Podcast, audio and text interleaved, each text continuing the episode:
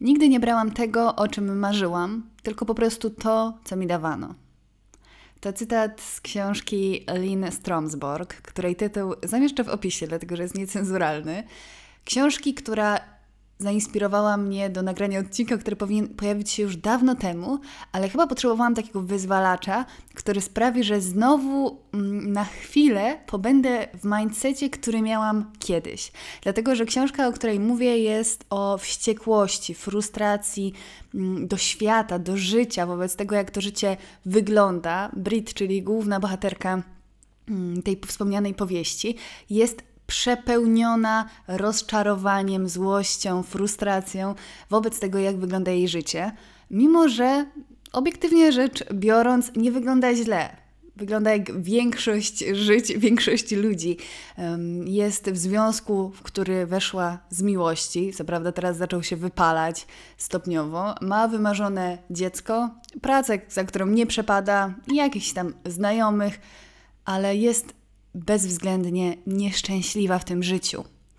I ta książka uświadomiła mi, że nic tak bardzo nie uczy mnie też o sobie, jak tego rodzaju powieści. Nazwałabym je takimi powieściami neurotycznymi, kiedy niewiele się dzieje w tym świecie zewnętrznym bohatera, ale dzieje się ogrom w świecie wewnętrznym i my mamy do tego wgląd. I kiedy czytałam tę książkę, to uświadomiłam sobie przede wszystkim dobitnie to, że gdybym w pewnym momencie nie zaczęła pracować nad swoim mindsetem, nad swoimi myślami, nad swoim podejściem do życia, świata, ludzi, wszystkiego wokół i siebie samej, to skończyłabym jak Brit.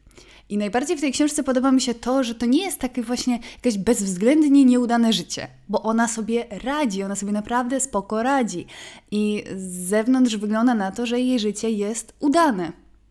a Brit tonie we własnej frustracji i wściekłości. I my toniemy razem z nią, dlatego ta książka nie jest do końca przyjemna, ale zauważyłam, że nic mnie tak nie uczy o sobie, o tym, co aktualnie teraz myślę, jakie ja mam teraz do tego podejście, niż właśnie zatopienie się w, mm, w umyśle bohatera. I to jest kolejny dla mnie sygnał, że powieści na tym etapie życia są u mnie kluczowe, jeżeli chodzi o rozwój osobisty mm, w kontekście takim emo emocjonalnym i, i samoświadomościowym. Ale dlaczego chcę Wam dzisiaj o tym opowiedzieć? Dlatego, że właśnie ta, mm, ta nieoczywistość tego nieudanego życia bardzo skojarzyła mi się z tym, jak sama żyłam kiedyś w takiej pułapce własnych, raz, że przyzwyczajeń, ale przede wszystkim własnego podejścia, bo kiedy czytamy tę książkę, którą Wam oczywiście bardzo y, polecam, to y, mamy takie poczucie, że kurczę, Brit, ogarnij się, Przecież ty masz wybór, przecież możesz coś zrobić, przecież to ty jesteś odpowiedzialna za każdy z tych dni. Ty możesz przejąć tutaj pałeczkę w swoim życiu, możesz coś zdziałać. I uważam, że to jest fenomenalne w tego rodzaju książkach, w powieściach, że my dostrzegamy absurd, którego nie dostrzegamy często w swoim życiu. Bo jeżeli ktoś by mm, oglądał nasze takie wewnętrzne problemy z zewnątrz, to prawdopodobnie przeżywałby dokładnie takie samo poczucie absurdu, um, absurdu tej sytuacji, jakie ja miałam podczas czytania tej książki, ale tak. Um, tak dogłębnie rozumiałam, co ta Brit czuje, bo kiedyś, te lata temu, zanim w ogóle rozwój osobisty w jakikolwiek sposób mnie interesował, to ja również tonęłam w takiej frustracji i w takim poczuciu, że ja jestem w jakiejś pułapce, że ja nie mogę nic zrobić, że po prostu życie mnie rozczarowuje, że myślałam, że nie wiem, że dorosłość będzie inaczej wyglądać, że studia będą inaczej wyglądać, to mówię o tych pierwszych studiach, że nie mogłam się w ogóle pogodzić z tym, że nie jest tak, jak myślałam, że będzie. Jeszcze kiedy mamy um, swoje głowy wypakowane jakimiś takimi wzorcami i idealistyczną wizją stworzoną z popkulturowych, jakichś takich bajkowych, wersji życia, to możemy ugrzęznąć w takim rozgoryczeniu, że nie, nie widzimy, jak swoim własnym podejściem, swoim własnym nastawieniem tworzymy bariery, które z zewnątrz każdy by nam powiedział: Kurwa, wystarczy, że zrobisz to. Przecież masz tutaj jakieś pole wyboru, tylko sobie je zamykamy. I tak zaczęłam wracać do tych chwil, kiedy właśnie miałam na przykład 20 lat i byłam na tych swoich pierwszych studiach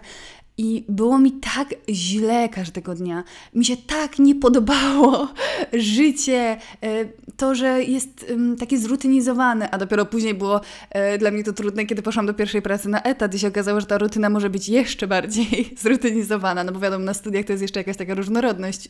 w zajęciach, w godzinach, ale wtedy mnie to tak bardzo dobiło, że ja żyłam całe swoje dzieciństwo czekając na ten piękny czas dorosłości, niezależności, a kiedy weszłam w dorosłość, nawet tę taką wczesną, to miałam wrażenie, że ja nie mam żadnych drzwi otwartych, że muszę iść po prostu z prądem,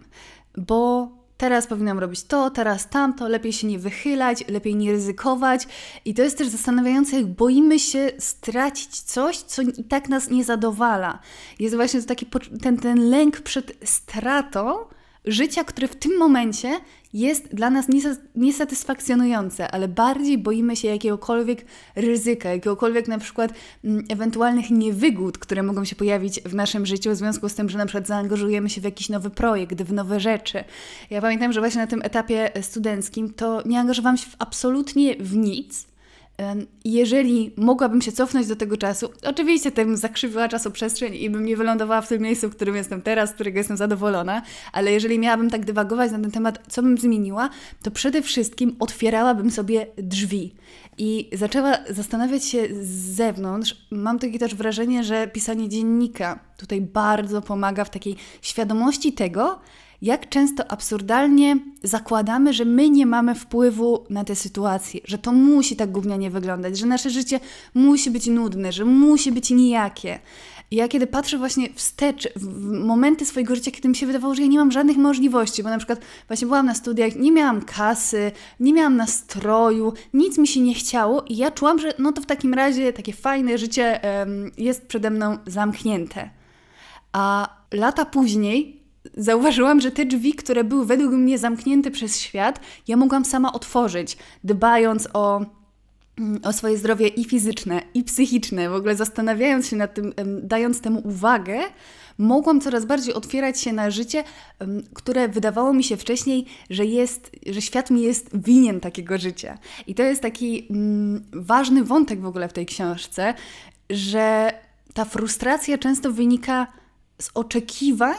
że to świat nam powinien dać życie, na które zasługujemy, którego chcemy. I oczywiście, że jest na świecie mnóstwo niesprawiedliwości i możemy mieć takie poczucie, że choćbyśmy stanęli na głowie, to i tak nie będziemy w tak e, dobrej sytuacji jak osoby, którym na przykład zazdrościmy życia. I mimo, że to może być faktem, bo ktoś jest na przykład uprzywilejowany względem nas bardziej i w związku z tym nie dościgniemy tego etapu, ale czy to znaczy, że nie ma sensu w ogóle nawet e, opuszkiem palca wyjść z tej swojej e, strefy niezadowolenia i zapracować na to, żeby było troszkę lepiej, a często rezygnujemy z jakichkolwiek działań, bo wiemy, że i tak nie będzie tak fajnie, jakbyśmy chcieli, więc lepiej pozostać w tym statusie quo i nic nie zmieniać. I zdecydowanie w tym niesamowicie może pomóc terapia, ale mi niezwykle pomogło pisanie dziennika, takiego, w którym mm, często skupiam się na tym, mm, na tym, co aktualnie mnie frustruje, co mi się nie podoba w moim życiu i analizuję, co mogę zrobić, żeby to zmienić. Bo wiele osób myśli, zakłada, że pozytywny, pozytywne nastawienie do życia to musi być takie naiwne, że Jezus, nie dopuszczamy do siebie w ogóle jakichś złych wibracji, e, złych emocji czy, czy w jakikolwiek inny sposób izolujemy się od nieprzyjemności w życiu. Moim zdaniem takie świadome, wciąż pozytywne nastawienie do życia polega na tym, że my analizujemy, co nam nie pasuje i co możemy z tym zrobić. Bo dla mnie kluczowe w pozytywnym nastawieniu do życia jest to, że ja przejmuję mm, przejmuję odpowiedzialność za to, jak moje życie wygląda. Czyli okej, okay, teraz mi się to nie podoba, na przykład, że coś wygląda w ten sposób w moim życiu. Co mogę z tym zrobić? Co bym doradziła swojej e, przyjaciółce, co bym doradziła komuś bliskiemu. I takie mm, zdystansowanie się też od swojego, zdystansowanie się do swojego problemu daje niezwykle dużo. Tak samo jak kiedy czytamy taką książkę, w której wydaje nam się, że, e, że bohater postępuje zupełnie nielogicznie, że przecież to jest takie proste, a w rzeczywistości często wpadamy w takie swoje absurdy, że coś nie ma sensu w ogóle zmieniać, lepiej nie próbować, lepiej nie, e, lepiej nie sprawdzać i nie widzimy tego absurdu. Mm, I takie pisanie i dystansowanie się do swoich myśli, do swoich założeń, czasem nam unaocznia to, w jakich absurdach, w jakich schematach tkwimy i że możemy się z nich wydostać. Mm, ja, jak sobie przypominam, takie moje pierwsze pracowanie nad e, swoim nastawieniem, które opierało się właśnie na zapisywaniu sobie swoich myśli, e, grzebaniu w tym i, i przeciwstawianiu mm, inny, innych myśli wobec tych, które, które miałam, a przede wszystkim szukanie e, sprawczości w tym, co mogę zrobić, żeby było mm, żeby było inaczej, żeby poprawić tę sytuację, czego ja aktualnie potrzebuję. I istotny wątek też w powieści Stromsborg to właśnie ta kwestia mówienia o swoich potrzebach, komunikowania ich. Bo coś, co zauważymy też y, u bohaterki mm, Brit, że ona umiera po prostu wewnętrznie z, z frustracji spowodowanej tym, że ludzie najbliżsi nie zachowują się tak, jak ona by chciała, tak jakby tego oczekiwała. I jej frustracja wydaje nam się z jednej strony absolutnie słuszna, no bo czemu ten jej mąż nie robi tego, skoro powinien? No według nas na przykład też powinien to robić, ale bez komunikacji, bez mówienia o tym, tego potrzebuję, tego wymagam, tego chcę, bez takiej komunikacji na przykład w związku, ja uważam, że w ogóle mój związek to by nie przetrwał nawet y, pół roku, jeżeli by nie było takiego poziomu komunikacji e, swoich potrzeb. I uważam, że to jest absolutna podstawa do budowania Mm, do budowania prawdziwych, szczerych relacji, które przede wszystkim zadowalają obie strony, że tam nie ma e, jednej pokrzywdzonej osoby, która cierpi w swojej głowie ze względu na to, że, że nie jest traktowana tak, jakby chciała. Bo nawet jeżeli nam się wydaje, że to jest oczywiste, że ktoś powinien coś robić, to niekoniecznie takie jest. I to też dla mnie wiąże się z poczuciem tej odpowiedzialności, jeżeli ja komunikuję to, czego potrzebuję. I tak samo um, nie tylko w relacjach, ale też w relacji ze sobą, czego ja od siebie oczekuję, że jak chcę, żeby wyglądało moje życie, ale w takim sensie nie, że chcę być absolutnie najlepsza we wszystkim i stawiać sobie jakieś wygórowane oczekiwania, tylko czego ja oczekuję od życia. Jak ja mogę sobie to zapewnić? To było dla mnie kluczowe do prawdziwych zmian w moim życiu, kiedy ja zaczęłam się naprawdę nad tym intensywnie zastanawiać, czego ja oczekuję, jak chcę, żeby wyglądało moje życie. Bo dopóki my się nad tym nie, nad tym nie zastanawiamy, to tak jak w tym cytacie, który przytoczyłam na początku odcinka, bierzemy to, co nam życie daje. I albo jesteśmy z tego zadowoleni, bo nam się udało dostać to, co akurat okazało się, że, że nas um, usatysfakcjonuje, albo w większości przypadków pewnie wcale nie i czujemy tylko frustrację, że znowu nie to, znowu nie to, a my nawet nie wiemy, czego byśmy chcieli. Jest taki mm, słynny cytat, y, na który często się powołuje z Seneki. Temu, kto nie wie, do jakiego portu zmierza, nie sprzyja żaden wiatr. I kiedyś ten cytat bardzo mi zawrócił w głowie, kiedy sobie uświadomiłam, że ja właśnie tak żyłam, że to mi się nie podobało, tamto mi się nie podobało, ale nie poświęciłam na to nawet, nie wiem, godziny prawdziwej takiej umysłowej pracy nad tym, czego ja od życia oczekuję, czego ja chcę, jak chcę, żeby moje życie wyglądało. I dlatego ten temat jest kluczowy w moim kursie Projekt Glow Up, bo ja wiedziałam, że bez tego nie ma sensu żadna zmiana. Jeżeli my poważnie nie podejdziemy do tego, czego od życia potrzebujemy, czego chcemy, bo jak możemy zaspokajać te potrzeby, jak inni mogą zaspokajać nasze potrzeby, jeżeli my nawet sobie mm, nie będziemy ich krystalizować, nie będziemy w stanie powiedzieć, czego chcemy, a tego będziemy ciągle, ciągle czuć, że czegoś nie chcemy, że tego nie chcemy, tego nie chcemy i wszystko nas będzie rozczarowywać. Oczywiście to nie jest tak, że na nie wiem, wczesnym etapie dorosłości albo w ogóle życia wiemy już, czego chcemy od życia, bo często jest tak, że e, okazuje się, że nasze marzenia, tak o czym ja często dosyć ostatnio opowiadam, e, się weryfikują i coś, co w naszej głowie wydawało się spełnieniem naszych marzeń, okazuje się, że, że to nie było to, i mogę szukać dalej. Ale jeżeli ja bym sobie nie wyznaczała tych kolejnych celów, które aktualnie wydają się dla mnie ważne i które e, chcę spełnić, no to bym właśnie tak się sunęła po tym życiu, w pracy, za którą nie przepadałam, w której się wypalałam, no i bym nie ryzykowała, nie próbowała czegoś zmieniać, bo jeżeli nie wiemy, do czego dążymy, co, e, czego chcemy mieć więcej w swoim życiu, a czego też nie, bo tego nas, tego nas uczy świadome życie, żeby na przykład zwracać uwagę na to, czego absolutnie w swojej codzienności nie chcemy. I wtedy przejąć odpowiedzialność za to, żeby siebie samego chronić przed takim życiem i zauważać, co co nas na przykład niebezpiecznie zbliża do takiego życia. Kiedy ja sobie uświadomiłam, że nie chcę w swoim życiu takiej byle jakości, takiego poczucia marnowania chwil, zabijania czasu, złego samopoczucia fizycznego, psychicznego. Mm, do którego sama się doprowadzałam kiedyś przez, yy, przez niezdrowy styl życia, przez niedbanie o swoją głowę. Wiem, że ja tego na pewno nie chcę i moje nawyki, yy, moje zasady, którymi się kieruję na co dzień, właśnie przed tym mnie chronią, bo wiem, że to jest coś, od czego chcę absolutnie w życiu stronić. Ale w książce pojawił się też inny wątek, który,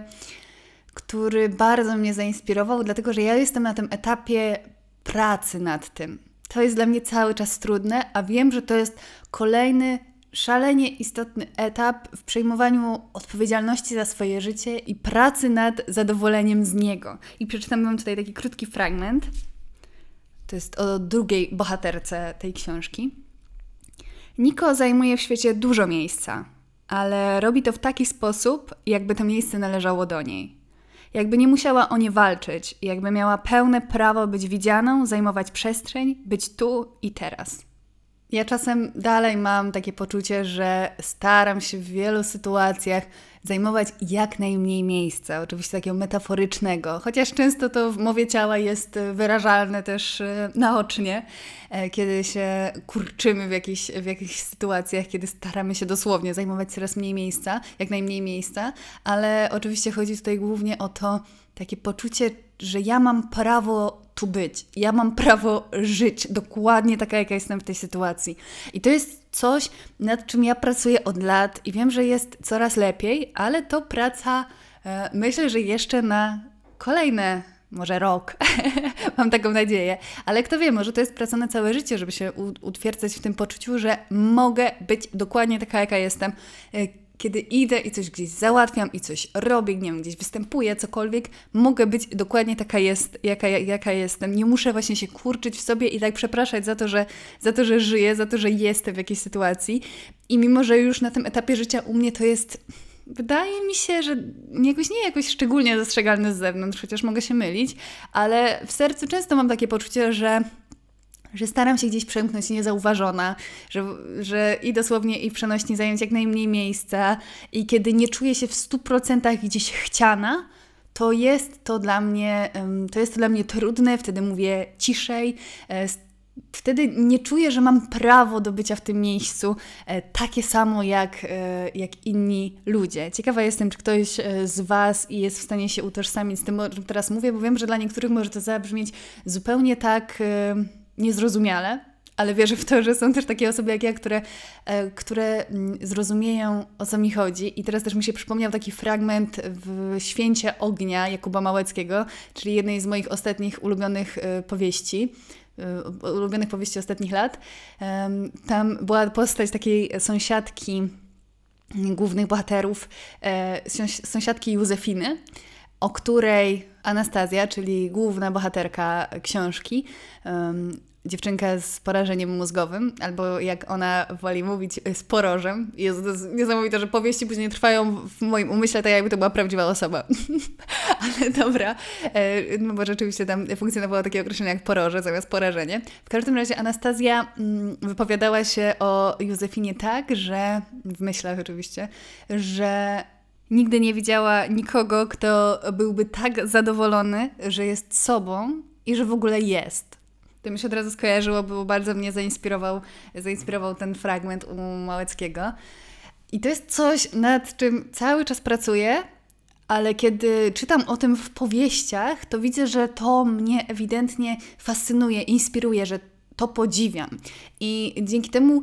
też powieści sprawiają, że ja jestem świadoma swoich wartości i um, takich cech, które ja bardzo cenię w ludziach, których im pozytywnie zazdroszczę, które mi imponują i nad którymi, mm, nad którymi chcę pracować, bo jest taka różnica między jakąś arogancją, taką mm, jakąś bezczelną pewnością siebie, a po prostu taką świadomością, że mam prawo być taka, jaka jestem, mam prawo żyć, mam prawo mówić pełnym głosem, zajmować tyle miejsca, ile potrzebuję i metaforycznie, i dosłownie, i po prostu brać e, życie w swoje ręce I o ile ja często w takich sytuacjach podbramkowych, kiedy czuję, że naprawdę chcę o siebie zawalczyć, to zawsze e, byłam w stanie, no prawie zawsze, ale w większości sytuacji zebrać się i zawalczyć,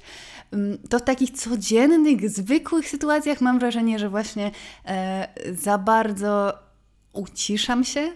za bardzo e, wchodzę w taką rolę, jakby, e, jakby świat nie był miejscem, do którego mam pełne prawa. Jeżeli to brzmi dla Was abstrakcyjnie, to powiem Wam na jakimś takim przykładzie, że na przykład, nie wiem, kiedy idę do sklepu, kiedy idę, o, kiedy idę do urzędu, to ja często wchodzę w takie poczucie, że ja komuś w ogóle przeszkadzam, że ja zajmuję komuś głowę, że e, szybko trzeba to załatwić i pójść, w ogóle nie zwracać na siebie za bardzo uwagi. Um, i zawsze w takich sytuacjach sobie myślę, ale czemu? Przecież ta sytuacja temu służy. I oczywiście ja mam tam jakieś różne swoje problemy, nad którymi pracuję od lat, ale um, wiem, że to się wiąże też między innymi z tym takim poczuciem, um, poczuciem braku pełnego prawa do bycia dokładnie taką, jaką jestem w każdej ludzkiej sytuacji, która, jako że jestem człowiekiem, do mnie także należy. I czasem e, mam taki kac moralny, kiedy, kiedy jestem w jakiejś sytuacji, w której czuję, czuję, że nagle mój głos stał się dużo cichszy, w, którym ja, w której ja chciałam być e, dużo mniej zauważalna, tylko właśnie z takiego lęku przed tym, że może to nie należy do mnie, że to ja nie jestem częścią tego świata. Chyba za bardzo abstrakcyjnie o tym opowiadam, ale może kiedyś przyjdzie czas na odcinek, w którym zagłębię się w ten temat i bardzo bym chciała wtedy opowiedzieć, jak nauczyłam się czuć, że, że mogę właśnie zawsze mówić pełnym głosem i pozwalać sobie na istnienie w każdej sytuacji, a nie czasem,